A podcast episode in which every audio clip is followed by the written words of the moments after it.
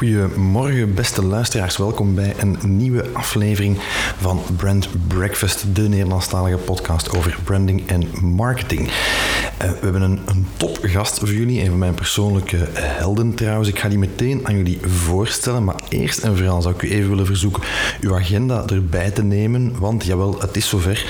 Op donderdag 17 oktober 2019, dat is uh, over enkele maanden, nodigen wij u met veel plezier uit op een, een echte brand breakfast, een brand breakfast event, een ontbijt.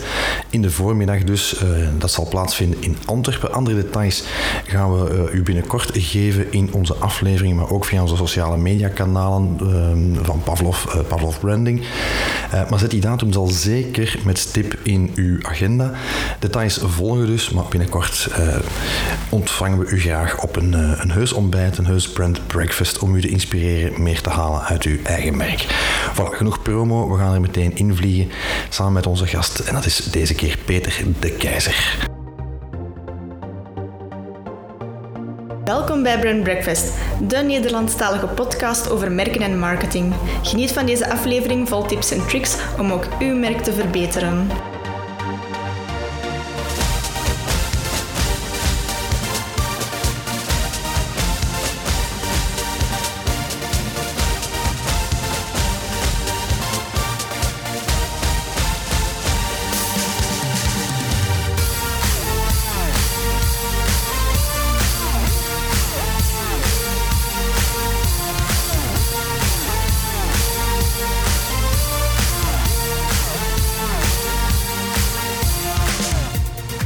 Welkom, beste luisteraars. Zoals gezegd hebben we een gast deze aflevering en niet zomaar de eerste, beste gast. Tegenover mij zit niemand minder dan Peter de Keizer, managing partner van Growth Inc., een strategisch communicatiebureau hier in Antwerpen ook. Uh, Peter is uh, econoom eigenlijk, dat mag ik toch zo zeggen. Hè? Ja, uh, absoluut. Ja. Hoofdeconoom geweest van BNP Paribas, heeft bij ABN AMRO gezeten, bij het beurshuis Peterkam daarvoor. En dat brengt me meteen misschien bij mijn eerste vraag, Peter. waarom komt een hoofdeconoom of een econoom terecht in uw business bij Growth Inc.? Waarom strategie en waarom communicatie? Omdat eigenlijk, uh, hetgeen je net zegt, strategie en communicatie is eigenlijk in heel belangrijke mate uh, hetgene waar een chief economist op dagelijkse basis mee, uh, mm. mee bezig is. als je kijkt, veel mensen hebben nog het idee dat een, een, een hoofdeconoom van een, een, een, grote bank, dat dat iemand is die een, een team van een twintigtal studaksen aanstuurt, die dagelijks papers... numbers crunchen. Numbers crunchen en, en papers spuien enzovoort. Mm.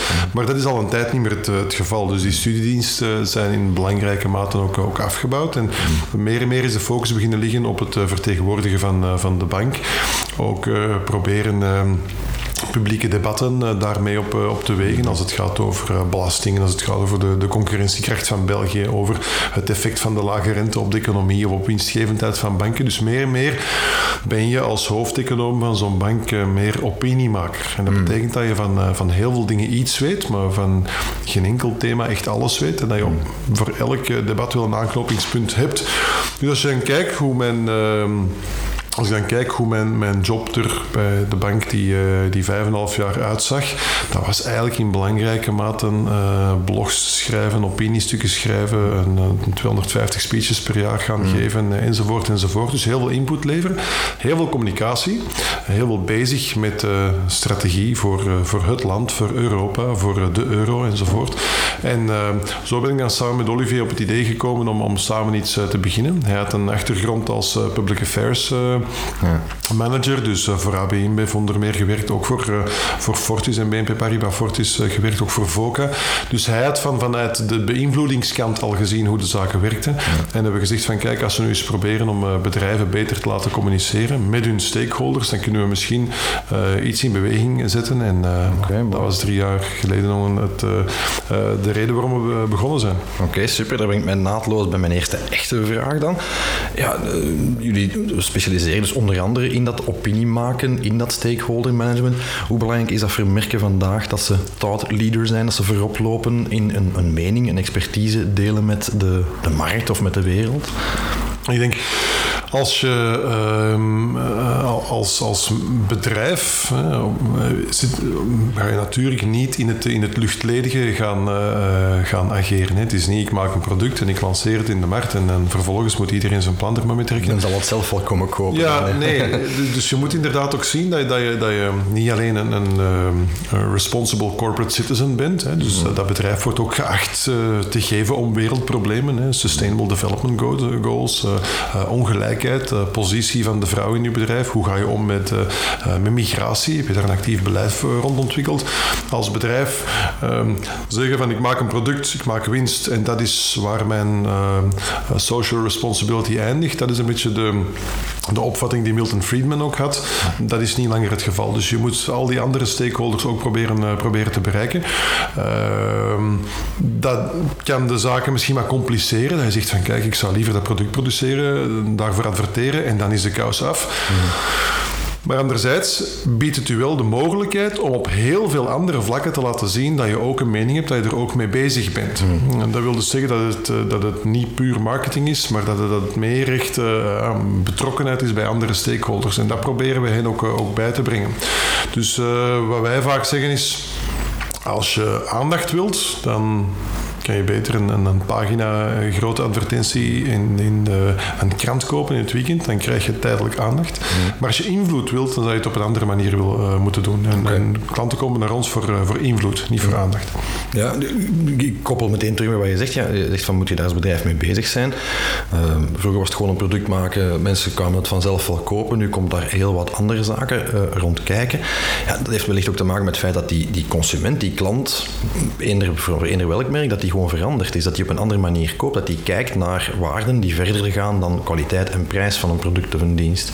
Ja, absoluut. En die wordt er ook over geïnformeerd natuurlijk. Hè. Via sociale media maken consumenten ook hun eigen nieuws. Ze maken ook hun eigen, uh, ze maken ook hun, hun, hun, hun, eigen, hun eigen feiten. Daar, daar komt het op neer. Hè. Dus mensen kunnen zich veel makkelijker dan vroeger informeren. Vroeger had eigenlijk die... Uh, hij had eigenlijk dat bedrijf had het monopolie op informatie over mm. waar zijn producten vandaan haalden, hun arbeidsrelaties, hoe ze met het milieu omgingen, hoe ze met de overheid omgingen enzovoort. Het bedrijf had daar het monopolie op en die klant die had eigenlijk alleen maar naar het product te kijken. Ja, echt transparant was het in elk geval. Nee, ja. en dus uh, als je een bedrijf had dat het goed voor had, wel, dan kon je ervan uitgaan van kijk, ik vertrouw bij dat bedrijf, ik zeg maar iets in, in Ikea, dan heb je een bepaald uh, imago dat je daarbij associeert en zeg je van, dus dat bedrijf zal het dan wel... Um,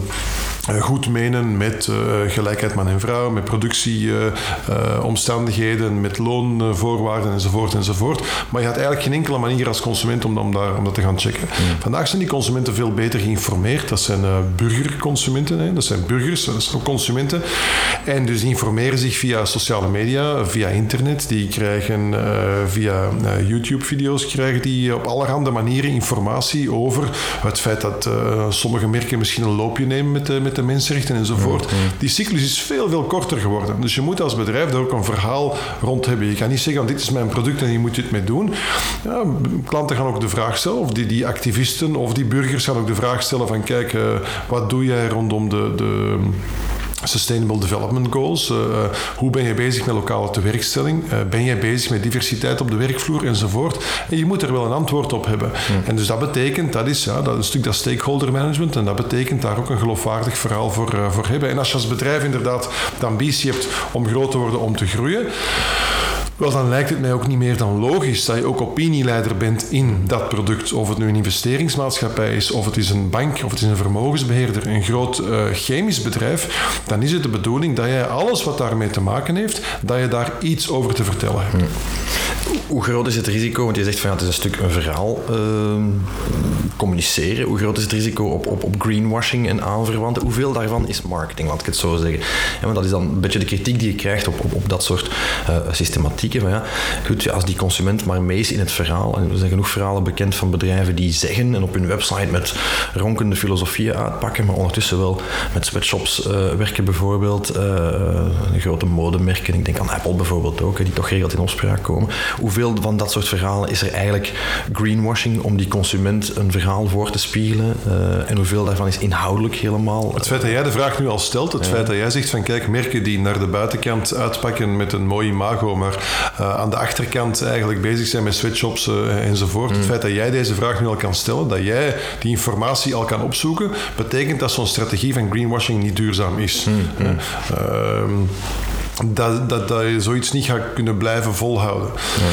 Dat betekent dat je eigenlijk alleen maar kan communiceren op een geloofwaardige en duurzame en langdurige manier kan communiceren over iets waar je werkelijk bij betrokken bent. Ja, je kan geen zo... bubbel zijn als het ware. Ja, uiteraard niet, want dan komt, het, komt de boemerang des te harder terug in, uh, in, in, in, jouw gezicht. Dus dat is een hele belangrijke om, om rekening mee te houden. Je moet er ook van uitgaan dat alles waar je als bedrijf mee bezig bent, dat dat vroeg of laat uit kan komen, hmm. of vroeg of laat publieke informatie kan worden. Ja.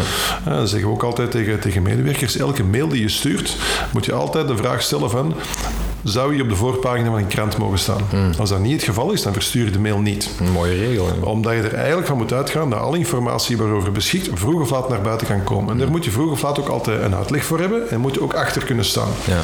En dus het begint bij de waarde van een bedrijf. Hoe ga je om met je productieproces, met je mensen, hoe ga je om met je stakeholders. En als dat allemaal goed zit, wel, dan komt het er eigenlijk op neer. Als je dan zegt van kijk, hierin blink ik zo sterk uit in vergelijking met al mijn concurrenten, ja, dan zou het maar dom zijn dat je daar niet op een geloofwaardige manier over, ja, over geen. Geen differentiërend voordeel uithaalt. Voilà, inderdaad. En dat is hetgeen dat, uh, dat we proberen te doen. Oké. Okay. Uh, een andere vraag, advocaat van de duivel gewijs. En dat gaat natuurlijk ook over een stuk uh, in de media komen, die reputatie opbouwen en dergelijke meer. communiceren en dat stakeholder management.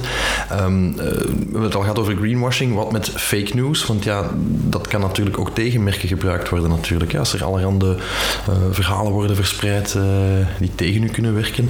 We leven in tijden waarin niet alle media nog te vertrouwen zijn en sociale media al helemaal niet natuurlijk. Ja, dus, dus media zijn niet altijd te vertrouwen. Dat is één element. Je hebt een aantal kanalen inderdaad in, in de, de aanloop naar uh, Brexit, in de aanloop naar de verkiezing mm. van Trump, die op een bepaalde manier nieuws hebben, uh, uh, nieuws hebben verspreid dat inderdaad niet waarachtig bleek te zijn. Nu, de president van de Verenigde Staten die laat zich ook niet echt tegenhouden door, nee.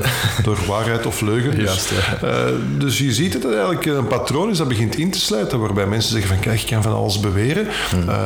Het hoeft niet waar te zijn, zolang ik er maar mensen mee kan, eh, mee kan overtuigen. En dan zit je uiteraard wel op een, op een slippery slope.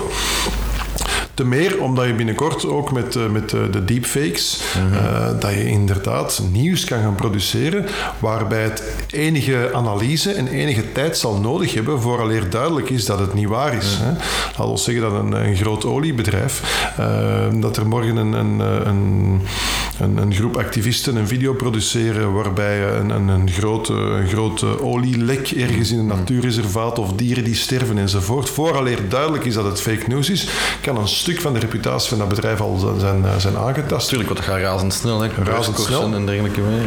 Ja. je kan je inderdaad dan ook, ook nog, nog inbeelden dat, dat sommigen er inderdaad ook baat bij zouden hebben. Hè? Mhm. Beurskoersen, eh, aandelen shorten enzovoort. Mm Dat je er baat bij zou kunnen hebben. Hè? Dat zou voer zijn voor een thriller of voor een financiële thriller of een financiële crimi, waarbij mhm. inderdaad een aantal activistische aandeelhouders er baat bij hebben dat fake news verspreid wordt. Uh, op die manier profiteren van de koersval en dan vervolgens terug van de, de correctie wanneer uitkomt ja. dat het geen fake news is. Dus we zitten daar echt op volkomen onbekend terrein. Hè. Ik je net zeggen, baart u dat dan geen zorg? Dat moet toch, dat, voor mij, vanuit puur van het branding oogpunt al, is, is dat een nachtmerrie. Hè? Dat je morgen beelden kunt zien waarin jij zelf een, een verklaring aflegt die, die gefaked zijn met AI. Allee, elke keer als ik daar dingen van zie opduiken, gaan mijn haren daar gaan recht staan in mijn nek. Ik vind dat, vind dat echt scary, scary stuff, dat dat allemaal uh, zo ja. dichtbij is. Ja. Dat, dat echt van fake, uh, hoe langer hoe moeilijker. Als je denkt dat we vandaag al met antivaxers en flat earthers en wat is het allemaal zitten, ja. ja dat belooft niet veel goeds voor de goedgelovige. Uh, en ik denk wat, wat, dat, wat, dat, betreft, denk ik dat het, dat het heel belangrijk is om als uh, bedrijf een relatie met al uw stakeholders ook, uh, ook op te bouwen. Die dat overleeft in geval van? Of, Niet alleen die dat overleeft, maar waardoor dat je eigenlijk dat als je um, nooit communiceert met de buitenwereld, hè, nooit communiceert met pers, publieke opinie, politiek, civil society enzovoort, en plots komt er zoiets naar buiten, weet ook niemand. Um, hoe ze dat moeten interpreteren. Of dat van jouw bedrijf zou kunnen zijn, ja of nee. Maar als je als bedrijf zegt, ik ben bezig met duurzaamheid en we hebben die programma's en we werken samen met, met die NGO's en we, we schrijven ons in in dat charter en die Sustainable Development Goals zijn voor ons belangrijk enzovoort enzovoort. Als je dat allemaal doet, uh, dan ga je zien als er dan ooit eens een fake news verspreid raakt, dat mensen gaan zeggen ja maar kijk, dat zou heel ongeloofwaardig zijn, gegeven die hele track record van dat bedrijf en dan gaat zo'n nieuws sneller de kop ingedrukt worden dan wanneer dat ze jou niet kennen en uh, dan op zoek moeten gaan naar de waarachtigheid van, uh, van, uh, van dat verhaal. Dus daarom denk ik dat het nog belangrijker is om een relatie met die stakeholders te gaan, te gaan opbouwen. Ik neem nu bijvoorbeeld een, uh, wat recent hadden we uh, de, de voorzitter van de raad van bestuur van, uh, van Nestlé te gast, hè, de Paul Bulke, vroeger CEO. Mm -hmm.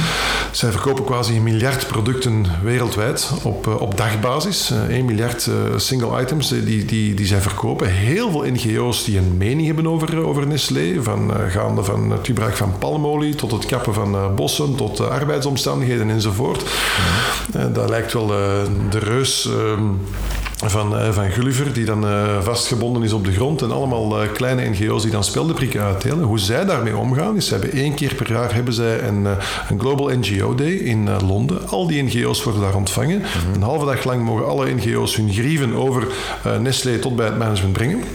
Plein, plein air. En vervolgens vertelt Nestlé hoe zij dan al die zaken aan het aanpakken zijn. Van vervuiling tot en met de arbeidsrechten enzovoort. En op het einde van de dag blijft iedereen op zijn positie, maar de communicatielijnen zijn wel open. Zijn wel open. En zo zal je dus NGO's hebben, je zal ze nooit van je zaak kunnen overtuigen, maar je zal ze wel jouw standpunt kunnen laten zien. Dat is heel belangrijk, dat je inderdaad een open communicatielijn hebt met die, uh, met die actiegroep. Het is straf dat je Nestlé aanhaalt trouwens, want ik, als ik me niet vergis, vorige week brak er weer op internet een hele uh, house uit, zoals het dan uh, gaat, over drinkwater. ja, dat dan een gebied dat gekocht wordt waar veel drinkwater zit door Nestlé om dat te, te ontginnen. En alle kritiek die dan op internetfora en dergelijke meer uh, uh, passeert, daar komt dan toch op dat soort momenten toch ook wel wat crisiscommunicatie uh, aan te pas, neem ik aan. Uiteraard komt dat crisiscommunicatie aan te pas. En, en het is ook, laat ons zeggen, dat je een miljoen mensen bereikt met dat, met, dat, met dat verhaal. En dat die miljoen mensen ervan overtuigd zijn dat jij als bedrijf, het zijn Nestlé, het zijn andere bedrijven, mm. dat je wel degelijk schuldig bent aan, aan laagbare praktijken enzovoort. Exact, ja, de crisiscommunicatie is één element. De juiste versie van de feiten geven is een ander. Maar je gaat nooit door de juiste versie van de feiten dat miljoen mensen terug van mening nee, exact, ja. Een stuk van de mensen gaan voor altijd, voor altijd dat negatief verhaal blijven, uh, blijven plakken. En daarom komt het, uh, komt het erop neer dat je als bedrijf op verschillende niveaus probeert uh, te vertellen waar je mee bezig bent, hoe je in het leven staat, hoe je omgaat met bepaalde, bepaalde cruciale thema's, om op die manier ook vertrouwen te krijgen bij je, uh, bij je stakeholders. Als je invloed wilt, dan moet je eerst een, een vertrouwensband, moet eerst een band opbouwen en vervolgens ga je uh, een vertrouwensband opbouwen en dan vervolgens ga je ook invloed krijgen bij die, bij die stakeholders. Wij onderscheiden daar drie elementen in. Als wij zoiets opbouwen voor een klant, je hebt, uh, uh, je hebt puur uh, communicatie, je hebt dan inspiratie en associatie. Hè. Okay. Communicatie is puur een persbericht over wat je vandaag hebt gedaan, mm. wat je volgende week gaat doen, over aanwervingen, ontslagen, nieuw product enzovoort. Dat is puur communicatie, feiten. Mm. Dan heb je inspiratie, dan ga je als bedrijf laten zien wat je mee mogelijk gaat maken de volgende, de volgende jaren, decennia. Hè. Welk wereldprobleem dat jij mee gaat oplossen. Mm. Het zij vervuiling, het zij ongelijkheid, het zij slechte arbeidsomstandigheden ondervoeding enzovoort. Welk soort hoger doel ga je meehelpen oplossen? Ja, wat is je purpose eigenlijk als merk? En dan associatie, dan ga je bijvoorbeeld op zoek naar bedrijven, organisaties, sportlui, wetenschappers die met iets vergelijkbaar bezig zijn in hun sector. Mm -hmm. Denk bijvoorbeeld aan IKEA, die een tijd geleden een, een vluchtelingentent hebben ontworpen in samenwerking met de Verenigde Naties. Okay. Een vluchtelingentent die uh, voor een lage kostprijs toch een hoger uh, comfort en kwaliteit kan bieden aan, uh, aan vluchtelingen. Wel, die vluchtelingentent wordt in sommige uh, IKEA-winkels in Zweden ook tentoongesteld. Dat zijn van, kijk, dit is wat wij doen. Okay, het gaat eigenlijk om, om mensen huisvesten, kwaliteitsvol huisvesten. Wel, de Verenigde Naties probeert dat op haar manier ook. Laat ons daar samen iets, iets, iets rond doen. En dat moet uiteraard ook duurzaam zijn. Het kan niet de bedoeling zijn dat je drie van dat soort tenten maakt en zegt, voor de rest stopt het initiatief. Ja. Zij gaan er wel echt in, wel echt in voort. Ja, dat is altijd het risico. Hè. Sorry, terug over het. Maar ik, als, als, ik zit zelf in, in de wereld natuurlijk van de branding. Ik, ik, creëer verhalen en, en purpose en value proposition voor, voor onze klanten, voor de merken waar wij voor werken. Um, uh, je ziet dat dat vaak dan nog heel aspirationeel is. Daar bedoel ik mee van, men inderdaad, men ziet in de verte een visie van daar willen we naartoe. Dat verhaal zijn we aan het vertellen. Maar in realiteit is men daar nog niet altijd. Hè. En dus uh, de vraag die wij soms krijgen van klanten als consultant dan is ook van ja, in hoeverre zit de, de proof of the pudding altijd in de eating?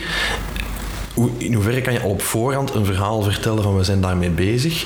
Hè? Uh, misschien terugkoppelen naar dat verhaal van greenwashing daarnet. Van, van, van hoe, hoe, consequent moet je daarin zijn? Ik neem aan dat je daar eigenlijk weinig fouten in kunt maken. Je kan, uh, stom voorbeeld, als BP niet zeggen van uh, wij zijn bezig met, met, met groene energie, met hernieuwbare, duurzame energie. En tegelijkertijd een boorplatform dat ergens in de, in de Mexicaanse golf stuikt, was een paar jaar geleden. Ja, de consequentie daarvan is toch dat men dat niet als uh, waarachtig, als authentiek gaat beschouwen. Dat is toch een gigantisch risico. Ja, maar het, het, het, is natuurlijk ook zo, er is, er is een bepaalde, voor een bepaalde uh, marginale groep, en daarmee bedoel ik marginaal als in klein en aan de rand van, de, van het hele publieke debat, zal het ook nooit genoeg zijn. Mm. Zal het alleen maar genoeg zijn als dat bedrijf wordt opgedokt. Ja, als, stoppen, als, we alleen maar, uh, als we alleen maar een soort van staatsbedrijven hebben die, die zich met dat soort van zaken bezighouden. Maar dus de, de radicaal overtuigden, daar moet je boodschap niet voor maken. Mm.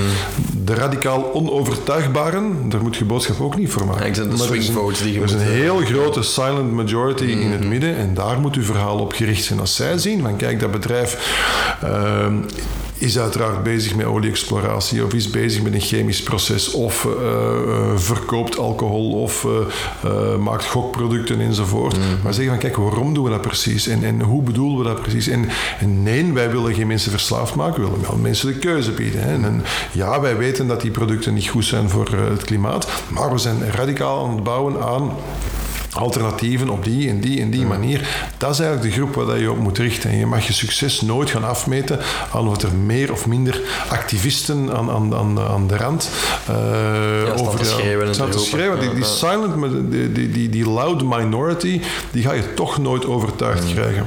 Um, je moet alleen ervoor zorgen dat hun argumenten die tot in de mainstream kunnen raken, dat je die op een factuele basis kan, uh, kan weerleggen, dat je ook mensen kan inspireren, laat zien waar je mee bezig bent enzovoort. Mm -hmm. En dan vereist het uit uiteraard dat je als bedrijf een visie hebt over de langere termijn. En zelfs al ben je er nog niet, mensen daarover inspireren, hmm. laten zien dat je erover nadenkt, dat is al een heel, heel belangrijk. Als we erbij betrekken zelfs. Als we erbij betrekken. Dus uh, wij een tijd geleden hebben gedaan voor een, uh, voor een klant, is, is um, is een, een, uh, een boek, een, een, roman die betrekking had op hun business, mm -hmm. die opgestuurd naar, uh, naar hun belangrijkste contact. Om te zeggen, okay. kijk, dat is hoe wij kijken naar, naar de wereld. Dat is volgens ons, dat zijn de vraagstukken waar het over, uh, waar het over, waar het over zou gaan. Ik kan je bijvoorbeeld inbeelden, een technologiebedrijf dat je bijvoorbeeld op het einde van het jaar naar je belangrijkste contacten Brave New World van Aldous Huxley mm -hmm. stuurt en dat je in, in, de, in de begeleidende brief iets schrijft over waarom dat boek relevanter is dan ooit. Dan ga je het hebben over artificial intelligence, ga je het hebben over uh, uh, computers, over uh, fake news enzovoort, die er eigenlijk al aan bod komen. Door te laten zien dat je op die manier erover nadenkt, door te laten zien dat je uh, goed beslagen bent om daarover na te denken, creëer je ook een gevoel van vertrouwen bij je stakeholders. En oké, als die zo'n dingen al lezen en zich daarvan bewust zijn, ja, dat zijn mensen met wie het gesprek daarover kunnen aangaan. Dus dat is eigenlijk heel belangrijk, dat vertrouwen creëren met dan de tegenpartij. Oké. Uh, Martin Lindstrom, dat is een, een, een marketeer, hij is een neurowetenschapper uh, eigenlijk zelfs, uh, die, die boeken schrijft over marketing en brandwashed en, en dergelijke meer. Uh, die zijn een tijdje geleden van, vroeger moest je als merk zorgen dat je door zoveel zoveel mogelijk mensen geliefd werd. Um, vandaag zegt hem, ja, eigenlijk is de situatie zodanig veranderd. Er is een, shift geweest in heel de, manier waarop merken omgaan met hun doelpublieken, hè, in de breedste zin van het woord stakeholders. Hij zegt, vandaag moet je als merk ofwel zeer geliefd worden door de ene, gehaat worden door de andere, zolang je maar niet genegeerd wordt. Is dat een stelling die klopt, denk je? Ik denk vooral door, uh, door sociale media. Het feit dat, uh, dat mensen zich nu heel vlot, heel snel en heel makkelijk kunnen uitdrukken via sociale media. Dat een, een stuk van de meningen veel gepolariseerder zijn, uh, zijn geworden. Dus dat betekent hetzelfde merk dat vandaag misschien als controversieel wordt beschouwd omdat er gepolariseerde meningen over zijn. Ja. laat dat merk 50 jaar geleden los op de samenleving en er zal misschien niemand van, niemand van opkijken die meningen dat je leeft en gehaat, wordt gewoon vandaag makkelijker geregistreerd, omdat sociale media het mogelijk maken om dat te registreren. Misschien was dat merk 50 jaar geleden ook al uh, geliefd en gehaat, maar er waren er gewoon geen manieren om er dagelijks naar te peilen. Vandaag heb je met sociale media, je Twitter, Facebook, Instagram, heb je een manier om voor elk merk, voor elke merkuiting te kijken welke lukt wel, welke lukt niet, wat haten mensen, wat niet, uh, mislukkingen van de ander, waar je dan de dag erna uit leert. Dat is, dat is bijna een continuum uh, waarbij waarbij je voortdurend opiniepeilingen doet over, over eender welk merk. Non-stop monitor eigenlijk. Hè? Dus dat betekent inderdaad, um, ik kan me bijna geen merk inbeelden waar gewoon niemand een mening over zou hebben. Mm -hmm. Dus uh, geef mij een random merk en ik ga voorstanders en tegenstanders vinden. En dat is gewoon, ja, dat is uh, een beetje de sign of the times. Natuurlijk, ja, zeker vast de sign of the times. Het wordt dus ook gevallen polarisatie. Uh, dat brengt mij bij, een andere vraag daar rond van hoe politiek correct moet je zijn als merk. Mag je nog een hoekje af zijn? We spreken over Sustainable Development Goals, we spreken over ecologisch verantwoord ondernemen, gelijkheid van man en vrouw. Mag je als merk nog een een, een mening hebben die daarvan afwijkt volgens u? Ik bedoel daarmee van, kun je als merk permitteren om op een gegeven moment te zeggen van ja, kijk, wij hebben lak aan dat stukje bijvoorbeeld van wat stakeholders in het algemeen of de publieke opinie belangrijk vindt. Mag er nog een hoekje af zijn?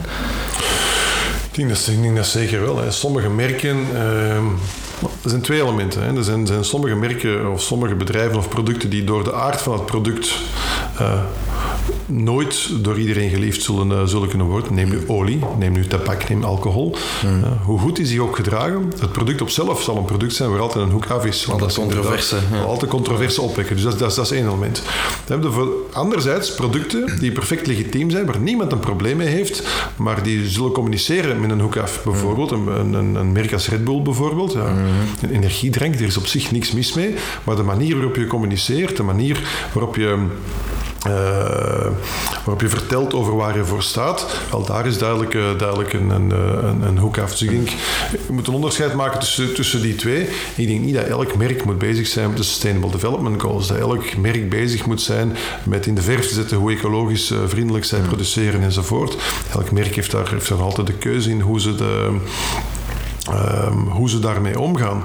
Maar het is wel zo in een omgeving waarbij activisten uh, ook de tools van uh, sociale media en, en het internet tot, hun, tot hun beschikking hebben en binnenkort misschien zelfs, misschien zelfs fake news. Um, dat je natuurlijk bewust moet zijn, als je sommige mensen tegen hun kar rijdt, dat de reactie misschien wel eens feller zou kunnen zijn dan die 20, 30 of 40 jaar geleden was. Ja, dus politiek correctheid als dusdanig is geen doel voor een, uh, voor een merk. Nee, ik denk, denk dat niet. Ik denk dat uh, wat wel het geval is, is dat mensen zich me veel meer bewust zijn van, uh, van wereldwijde uitdagingen. Mm. zeker in een wereld, dat merk je ook zeker in een wereld die aan, die aan het polariseren is. Dat sommige merken echt beslissen om daar tegen in te gaan. Mm. neem nu Nike met het hele Colin Kaepernick mm -hmm. verhaal. Zij kiezen om daar tegen in te gaan. Als je kijkt de resultaten van hun actieve ja, steun aan Colin. Kaepernick. Um, als je kijkt naar de resultaten, de meningen over Nike waren meer gepolariseerd achteraf. Er waren meer supporters bijgekomen en er waren meer uh, haters bijgekomen. Ja, die dus, hun kledij verbranden op Twitter. Ja, dus, dus het was, was, neutraal, maar je hebt mm. gewoon zelf als bedrijf de mening nog meer gepolariseerd over, uh, over je merk. En dat is een keuze die je moet maken. Bij Nike hoort het uiteraard wel. Ze willen ook emanciperen. Ze willen ook mensen, mensen laten doorgroeien in hun eigen leven, doelen stellen, aspiraties enzovoort. Dus dat past daar eigenlijk wel. Maar dat is niet voor elk merk geschikt. Als Nee, maar er was wel een commerciële win ook. Hè? Want je zegt van ja, er waren voor- en tegenstanders. En dat klopt. We hebben daar toevallig in de podcast een paar afleveringen terug eh, over gehad. Over politiek correcte branding. En dan hebben we het inderdaad ook gehad over die case van Nike. Dus het weekend eh, eh, na heel die Copernic-heisa was er 32% meer verkoop in de online kanalen van Nike. Hè? Dus het heeft dan toch wel weer een commercieel voordeel ook gehad. Dus, ehm, en, en ja, ze hebben daar echt een standpunt ingenomen. Ik vond ook een, mooie case. Je hebt in Nederland bijvoorbeeld ook het voorbeeld van, van een HEMA die op een gegeven moment eh, op het eh, wekelijkse of maandelijkse foldertje, ik weet het niet exact, een Happy Pride wenst aan de LGBTQ-gemeenschap. En er waren dan heel wat ja, conservatieve Nederlandse consumenten die dat een schande vonden en die dan opriepen tot, tot een boycott van HEMA. En ze hebben dan nog een schepje bovenop gedaan door te zeggen, ja, we gaan t-shirts maken speciaal voor de Pride en Limited eh, Edition eh, collectie. Ja, dat is een heel goed voorbeeld van hoe je ehm, dat politiek correcte kan, kan gebruiken, of zeggen, dat, dat woke-verhaal kan gebruiken tussen aanhalingstekens. Dat is misschien een verkeerd woord hier, maar om, om, om als merk inderdaad een statement te maken. En dat zijn positieve voorbeelden. Eh, tegelijkertijd kun je ook afvragen als merk, en ik denk zeker als kleiner merk dat geen heel team heeft om met die public affairs bezig te zijn, van eh, hoe ver gaat die slinger nog doorslagen. Hè? Vroeger had je eh, reclame voor tabak, hè, waar dan mensen zelfs op tv zaten te roken en eh, sporters en artsen zelfs een sigaret opstaken. Dat kunnen we ons vandaag niet meer voorstellen. Tegelijkertijd zie ik dat een, relatief brave tv-serie als Friends, goed, ze is 20, 25 jaar oud, eh, door de huidige generatie tv-kijkers, eh, onze kinderen bij wijze van spreken, als, als chockerend wordt ervaren. Hè. Die vinden dat allemaal veel te ver gaan qua humor, naar ongelijkheid van mannen en vrouwen, seksistische mopjes en dergelijke meer. Ik vraag me soms af, dat een slinger die nu extreem doorslaat naar de ene kant, eh, gaat ze om te beginnen nog terugslingeren? Ik vermoed van wel. Ehm, maar welke impact heeft dat op merken? Want opnieuw, ik kan me inbeelden dat bijvoorbeeld een Nestlé, een Unilever, een Procter Gamble, die grote jongens, die hebben een strategie daarover. Die consulteren mensen zoals jij, Peter, en uw collega's. Ehm, van de andere kant, een, lijvige Vlaamse KMO is daar misschien niet mee bezig. Hè? En het kan heel snel in het oog van een storm terechtkomen als die eh, niet helemaal politiek correct genoeg is. Nee, dat, eh, dat is waar. Maar, maar anderzijds, die grote bedrijven, alleen al door hun omvang, ho- horen ze overal eens een mening te hebben. Als je actief bent in 150 landen eh, wereldwijd. Ja, en hoge bomen vangen veel wind natuurlijk. Dan uiteraard, dan is het natuurlijk een makkelijke schietschijf dan op, eh, laten we zeggen, een, eh, een, een, een eenmanszaak eh, te gaan schieten. Daar gaat een, een NGO die ook een berekening heeft van kijk, we hebben zoveel mensen tot, tot onze beschikking. Als we in het nieuws willen komen, dan moeten we wel voor een groot bedrijf gaan. Die grote spandoek, die gaat er niet voor een bakker of een beenhouwer hangen. Die gaat eh, bij BP ergens, eh, ergens hangen of bij, bij Exxon of bij Total. Dus, eh, dus dat is een eerste.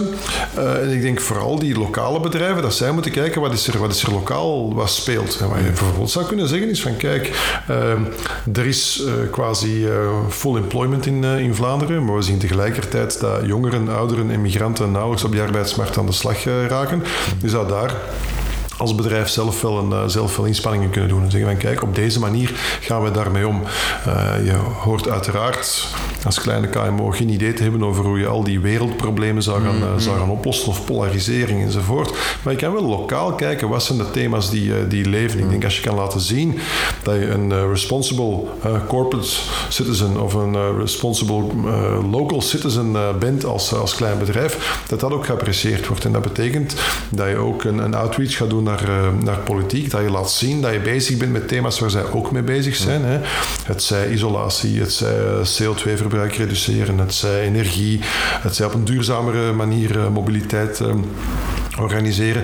En wij hebben bijvoorbeeld eh, de lanceringscampagnes van, van Poppy en Wim hebben wij in Antwerpen, eh, Antwerpen gedaan. Dus dan kan je heel snel een verhaal vertellen van kijk, hè, eh, eh, smart city, eh, tegelijkertijd eh, slimmere mobiliteit, eh, mensen uit de auto krijgen, eh, de data die je op die manier gaat kunnen, eh, gaat kunnen gebruiken om te zien waar stappen mensen over, wie gebruikt er die auto's om naar waar te rijden, die patronen mee in kaart brengen. Dus tegelijkertijd ben je iets- aan het doen voor duurzaamheid. Je bent eh, eh, bedrijf- lokale bedrijven aan het ondersteunen. Je bent die stad leefbaarder aan het maken. Je bent die stad slimmer aan het maken. Dus je, vindt, je merkt als je op die manier daarover begint te communiceren en niet gewoon er is een nieuwe app waarmee dat je kunt verplaatsen, Ja, voilà. Ja. dat je eigenlijk plots interesse krijgt van openbaar vervoer, dat je politici geïnteresseerd vindt, dat je een VOCA geïnteresseerd vindt enzovoort. Dus dat is het hele idee. Op welke manier kan ik communiceren zodat mijn stakeholders met mij willen komen praten?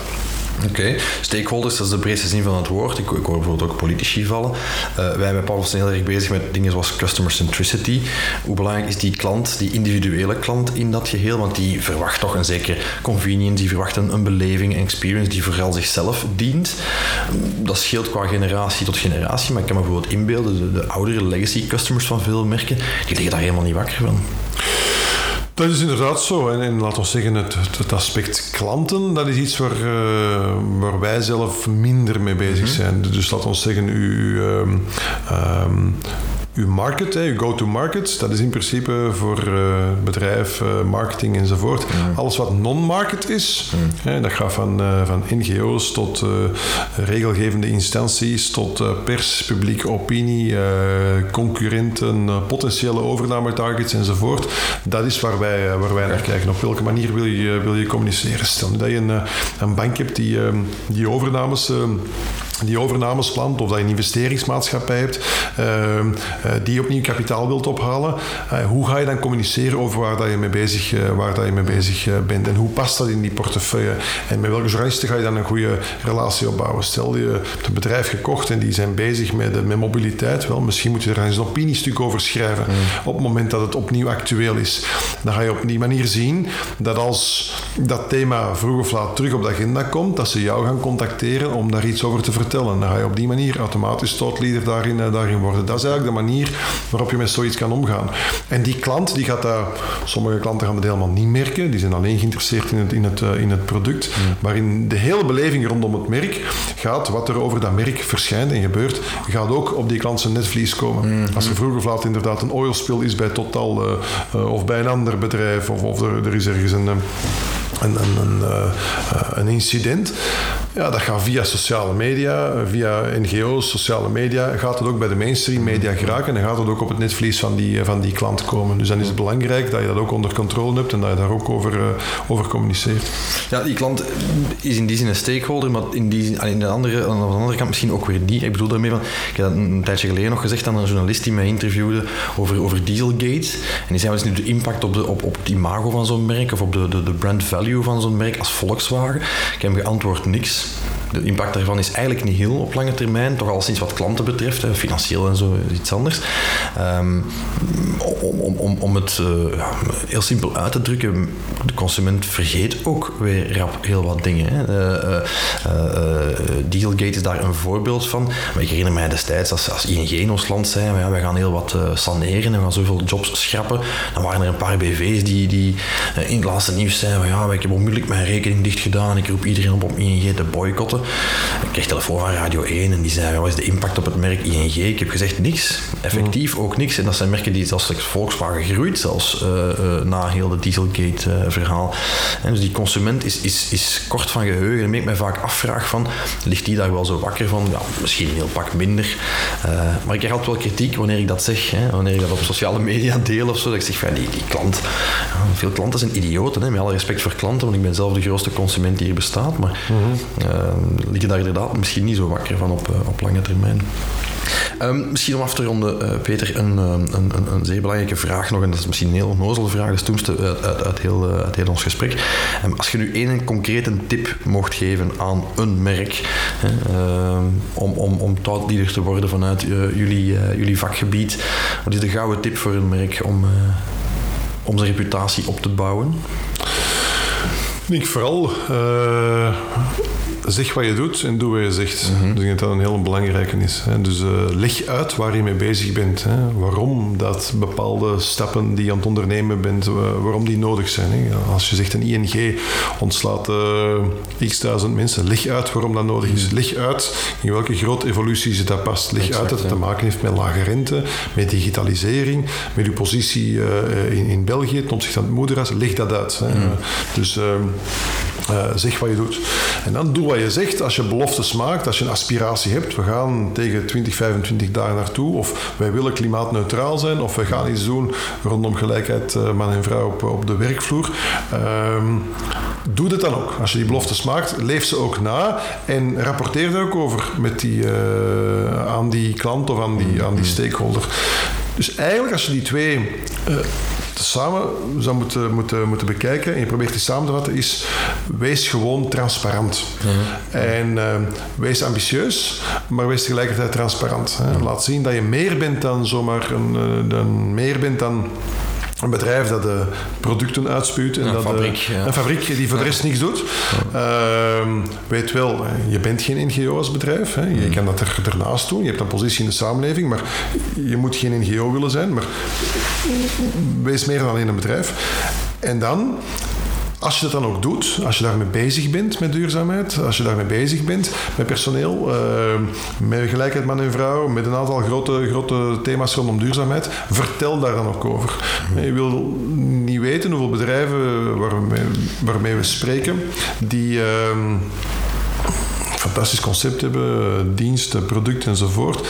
En als je er dan face-to-face -face mee praat, off the record, dan kom je heel wat dingen te weten mm. over wat ze doen voor duurzaamheid, uh, voor, uh, voor uh, mensen in, in, in, in, in armoede, wat ze doen voor jongeren om die op te leiden, voor migranten enzovoort. Maar, maar je waar nooit ze nooit over communiceren. Ja, ja, ja. Terwijl ik denk dat dat zeker zou kunnen helpen om positiever imago van bedrijven ook uh, te, te, portretteren. Hè. Bedrijven, als je kijkt, grote publieke debatten in België, dat is heel vaak politiek. Uh -huh. Dat zijn commentaarschrijvers in kranten, uh -huh. dat zijn NGO's en middenveld. Ja. Bedrijven zijn er eigenlijk quasi afwezig. Zij lobbyen misschien wel op allerhande andere manieren voor wetgeving enzovoort, maar achteraf zijn ze altijd leidend voorwerp -huh. van hoe die discussie uiteindelijk uitdraait. En ik zou ervoor pleiten dat CEO's, maar nog meer uh, leden van raden van, uh, van bestuur, dat zij meer naar voren treden rondom die grote maatschappelijke thema's. In Nederland heeft Mark Rutte, de premier, bedrijven en bestuurders ook opgeroepen om dat ook meer te doen. Okay. Er zitten heel wat belangrijke discussies op ons af te komen. De toekomst van het liberaal kapitalisme, uh, vrijhandel, protectionisme, uh, klimaat, enzovoort, enzovoort. Mm. Het kan niet zijn dat alleen politiek Um, en middenveld en NGO's dat debat mee vorm zouden geven. Mm -hmm. Bedrijven moeten daar ook veel vocaler, uh, veel vocaler in zijn. En dat betekent stakeholder management. Dat betekent ook oprecht daarover, uh, daar, daarmee omgaan. En zeggen, dit kunnen we doen, maar dat kunnen we zeker niet doen. Dat je echt als gesprekspartner mee gaat, uh, gaat optreden. Mm -hmm. En dat denk ik dat een, een heel belangrijke gaat zijn. Zeker de komende jaren, wanneer er al die debatten op ons, op ons afkomen. Tuurlijk, al is het maar omdat het vaak die bedrijven zijn, hun innovaties, die de motor zijn achter de verandering ook. Ja, absoluut. En dat, dat, dat, dat wordt vaak vergeten. Hè. Mm. Dus, uh, uh, dus vooruitgang komt van uh, bedrijven die, ja, die, die, die, die iets ontdekken, die iets nieuw hebben, maar die dat vaak niet uitgelegd krijgen, die dat niet kunnen koppelen aan een grote maatschappelijke uitdaging. En als je dat kan doen, dan word je ineens veel relevanter als, mm. als bedrijf. Dan heb je niet zomaar gizmo ABC, mm. maar dan heb je mee een oplossing voor een, een, een, wereldwijd probleem of een lokaal probleem. Dat moet je als bedrijf veel meer proberen te doen. Probeer ook te denken aan je eigen maatschappelijke relevantie. Als ik er nu niet meer zou zijn, welk wereldprobleem is er binnen tien jaar nog altijd? Mm. Dat soort van vragen zouden zich meer moeten stellen. Super, mooi. Stof tot nadenken. Misschien uh, allerlaatste vraag. We proberen dan aan onze gasten te vragen. Uh, dus ik ga het ook aan jou vragen, Peter. Wat is uw favoriete merk en waarom? Zwitserland. Zwitserland? Ja. Oké, okay. verklaar. Um, ken je de premier van Zwitserland? Uh, nee. Ja, de meeste mensen kennen de premier. Ik antwoord schuldig nee, dat is geen probleem. 95% van de mensen aan wie ik het vraag kennen de premier van Zwitserland niet. Ja. Of de bondspresident van, uh, van, uh, van Zwitserland uh, niet. Maar iedereen weet wel waar Zwitserland voor staat. Dat mm -hmm. staat voor kwaliteit. Dat staat voor treinen die op, op tijd rijden. Dat staat, over, oh, staat voor een, een, een perfect, punctueel georganiseerd land. Mm -hmm. Het feit dat mensen niet weten wie jouw CEO is, maar wel een heel sterke mening hebben over jou als, als land waar je voor staat. Mm -hmm. made in Switzerland, wat dat precies betekent. Hè. Er is echt een commissie in Zwitserland die belast is met het nakijken of producten wel voldoende uit Zwitserland komen om Made in Switzerland erop te mogen zetten. En kijk, als ik nu 49% van de componenten uit de Filipijnen haal en dan er uur aan laat werken, mag je dan Made in Switzerland opzetten. Dus dat is de waarde van, van, van dat merk. Dat je daar als land in slaagt om dat te doen dat je in alles waar je mee bezig bent, dat je, er, dat, dat je dat kan doen. Gaande tot en met het World Economic Forum dat zich in uh, mm-hmm. Zwitserland bevindt. De top in Davos elk jaar, waar grote wereldproblemen worden besproken. Dat je in alle grote internationale rankings stelkens bovenaan staat. En dat je er eigenlijk geen enkele advertentiecampagne voor hoeft te voeren. Mm-hmm. Dat mensen dat uit zich, op zich aanvoelen. Dat door het feit dat je in al die rankings bovenaan staat... Ja, dat elke stakeholder automatisch teruggrijpt naar het voorbeeld van Zwitserland, zonder dat je dat zelf nog eens moet vertellen. Dat je stakeholders vertellen hoe geweldig dat je bent, al dat is wat mij betreft uh, wat een goed stakeholder management en, en uh, reputatie voor zou moeten staan. Het is ook een merk met een hoekje af, hè? met door de neutraliteit en, en geen deel uitmaken van allerhande allianties en zo, toch altijd op hun eigen een beetje. Ja, ja, ja absoluut, absoluut. Maar ze slagen er wel in om die reputatie van degelijkheid, mm. kwaliteit, vakmanschap, financieel solide, mm. om die in, in alles waar ze mee bezig zijn, dragen ze dat uit, mm. zonder dat ze dat bewust uitdragen. Dus uh, laten we zeggen, kleinere emerging markets, die moeten vaak advertentieruimte kopen in de Financial Times of in The Economist om te laten zien dat zij ook goed bezig zijn. Er moeten er allemaal getallen vermeld worden over buitenlandse investeringen en over gezondheidszorg enzovoort. Dat moet Zwitserland al lang niet meer doen. De rest vertelt wel hoe geweldig Zwitserland is en dat is wat de, uh, de aspiratie van elk merk zou moeten zijn. Zeggen, dat is de droom van elk merk. Hè? Dat stakeholders uh, uw bidding doen hè, als ambassadeur. Ja. Oké, super. Uh, Peter, ontzettend bedankt voor uh, tijd voor ons te maken in uw drukke agenda. Ehm, ik vond het een zeer interessante babbel. Ik hoop van u, luisteraar, dat u dat ook vond. Um, mocht u voor de eerste keer naar een episode luisteren, vergeet niet u te abonneren. en mocht u nog vragen hebben, dan kan u die altijd doorsturen voor ons of voor onze gasten op hello at brandbreakfast.be. Ik hoor u alvast een volgende aflevering graag terug. Peter, merci en bedankt om tot bij ons te komen. graag gedaan.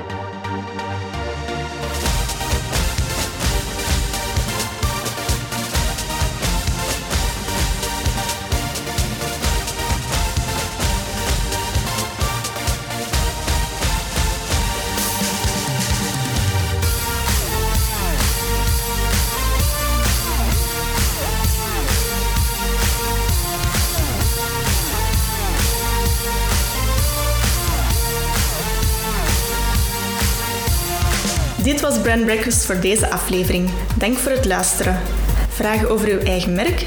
Surf naar pavlov.be en start vandaag nog met het optimaliseren van uw merkstrategie, merkidentiteit of merkbeleving.